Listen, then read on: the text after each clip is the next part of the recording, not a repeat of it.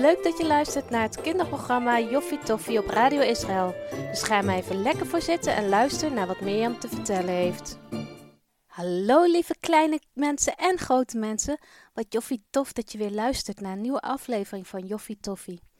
Weet je, bij mij is het nog vakantie. Ik weet niet of bij jullie ook zo is, want de eerste scholen zijn alweer begonnen. Maar ik dacht, laat ik vandaag gewoon eens een lekker lang stuk voorlezen. Ik doe één korte tekst uit de Bijbel, maar daar zal ik niet zoveel over zeggen, zodat we lekker veel tijd hebben om naar het verhaal van Omri te luisteren. De Bijbeltekst is uit Deuteronomium 5, vers 15. Bedenk dat u zelf slaaf was in Egypte, totdat de Heer, uw God, u met sterke hand en opgeheven arm bevrijdde. Daarom heeft hij u opgedragen om de Sabbat te houden. Laten we dan nu snel naar het verhaal van Omri gaan luisteren. Daar komt u hoor. Enkele dagen later, wanneer Omri bezig is om afval buiten het kamp te brengen, ziet hij vreemde mensen aankomen. Ze gaan richting de tent van Mozes. Omri kent deze mensen helemaal niet. Ze zijn heel anders gekleed en lijken niet echt op de mensen van het volk.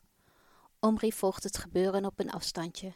Hij loopt richting de tent en binnen gehoorsafstand stelt hij zich een beetje verdekt op achter wat andere tenten. De vreemde mensen hebben samen met Mozes een maaltijd in de tent. Omri sluipt nog wat dichterbij.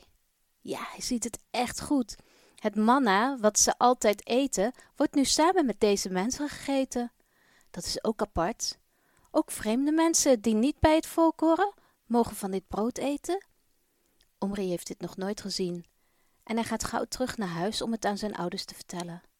Mam, wat ik nou toch gezien heb? Er kwamen vreemde mensen bij de tent van Mozes. En ze hebben samen gegeten van ons manna. Die man zei dat er geen grotere God is dan onze God, mama. Mooi hè, Omri? Ook mensen van andere volken mogen bij God horen. Mama had het nieuws van de vreemde mensen in het kamp ook al meegekregen. Goed dat je weer terug bent, Omri. Heb je alles weggegooid wat ik had gezegd? Ja, pap, en ik heb nog veel meer te vertellen. Ik heb het gehoord, Omri. Mama heeft het ja, net al goed uitgelegd. Onze God heeft plaats voor iedereen die hem wil gehoorzamen. Kom lekker in de tent. We gaan straks eten. Eerst wil ik nog wat belangrijks vertellen. Omri gaat er even goed voor zitten. Als een vader eenmaal begint te vertellen, kun je maar beter een goede plek hebben.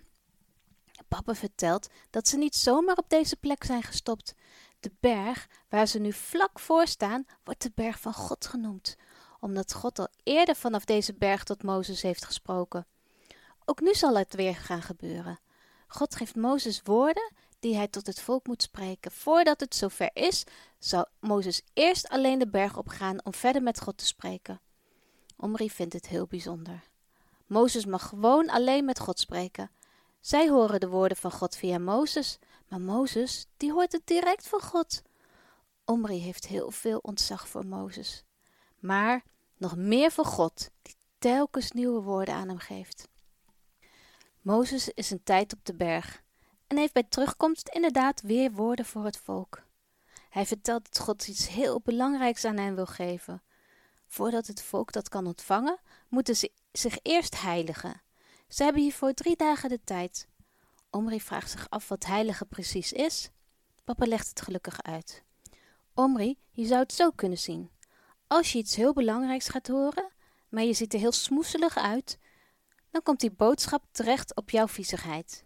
We moeten er dus voor zorgen dat de belangrijke woorden van God bij ons ook goed terechtkomen. We moeten van de buitenkant schoon zijn, onze kleding en ons lichaam, maar we moeten ook van binnen schoon zijn, om de boodschap van God goed te kunnen ontvangen. Ik moet dus in ieder geval mijn kleren wassen. En ik zal zorgen dat ik er zelf ook netjes uitzie. En voor dat laatste? Omri denkt even goed na. Ik moet nadenken of ik misschien nog iets goed te maken heb met iemand. Pap kijkt naar Omri. Heel goed. Dat is een mooi voorbeeld om te zorgen dat je ook schoon van binnen bent. Dat er geen vuiligheid of zonde in je hart is. Dan zullen we klaar zijn om de boodschap van God goed te kunnen horen en begrijpen. Het volk heeft verdere instructies gekregen om niet meer in de buurt van de berg te komen. Dat is een hele serieuze opdracht, want wie toch over de lijn gaat die door Mozes getrokken is, zal sterven.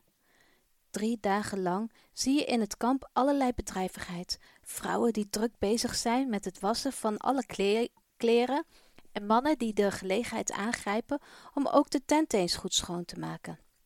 En mensen die zich terugtrekken in hun tent of aan de rand van het kamp om zich voor te bereiden, te heiligen voor wat er staat te gebeuren.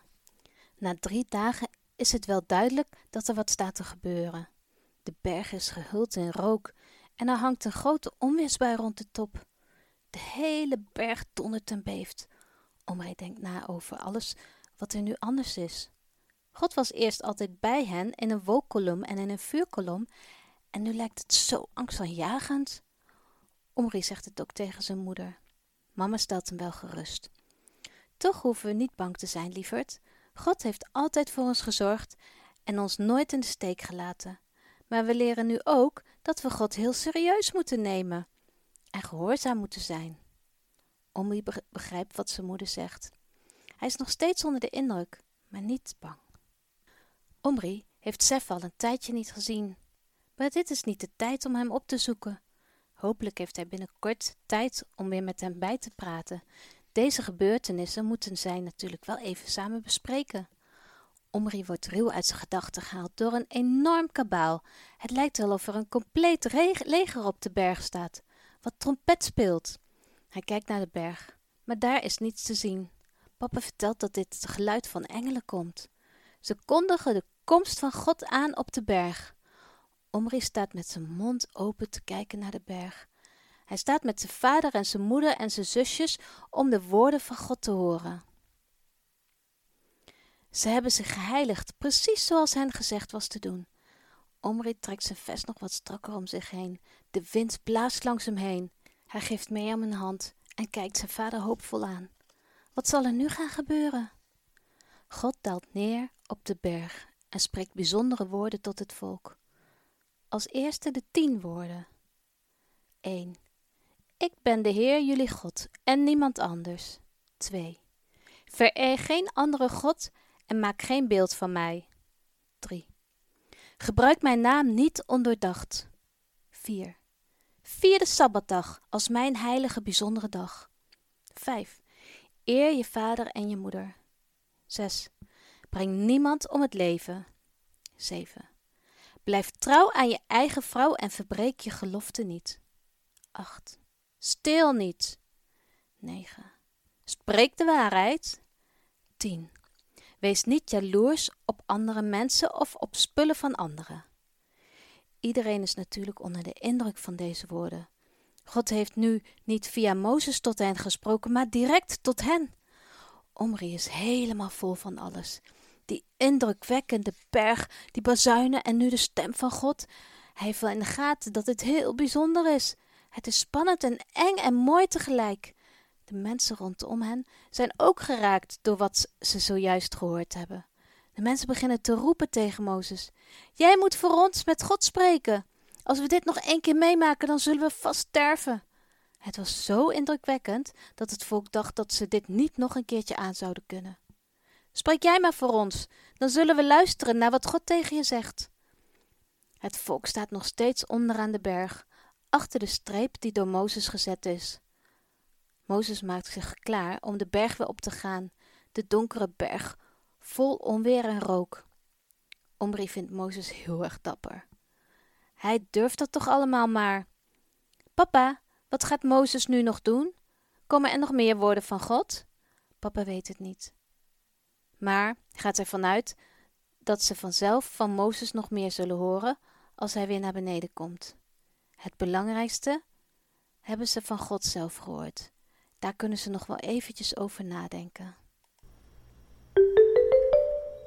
Wauw, wat een ervaring hè? Die Omri, die God gewoon zelf mag horen met echt een hoorbare stem. Heb jij God wel eens gehoord? Misschien niet met de hoorbare stem, dat hebben maar heel weinig. Maar God spreekt nog steeds tot ons. Soms door een Bijbeltekst of door andere mensen heen. Of gewoon direct in je hart door de Heilige Geest. Ik ben heel benieuwd wat God nog meer tegen Mozes gaat zeggen. Dat zullen we volgende week horen. En voor nu wens ik jullie een fijne week. En tot volgende week. Doei doei. Dit was Joffie Toffie, het kinderprogramma van Radio Israël. Wil je nog graag iets kwijt? Stuur ons dan gerust een berichtje op joffietoffie.radioisrael.nl De presentatie was in handen van Mirjam en we vonden het joffie tof dat je luisterde en hopen dat je er volgende keer weer bij bent.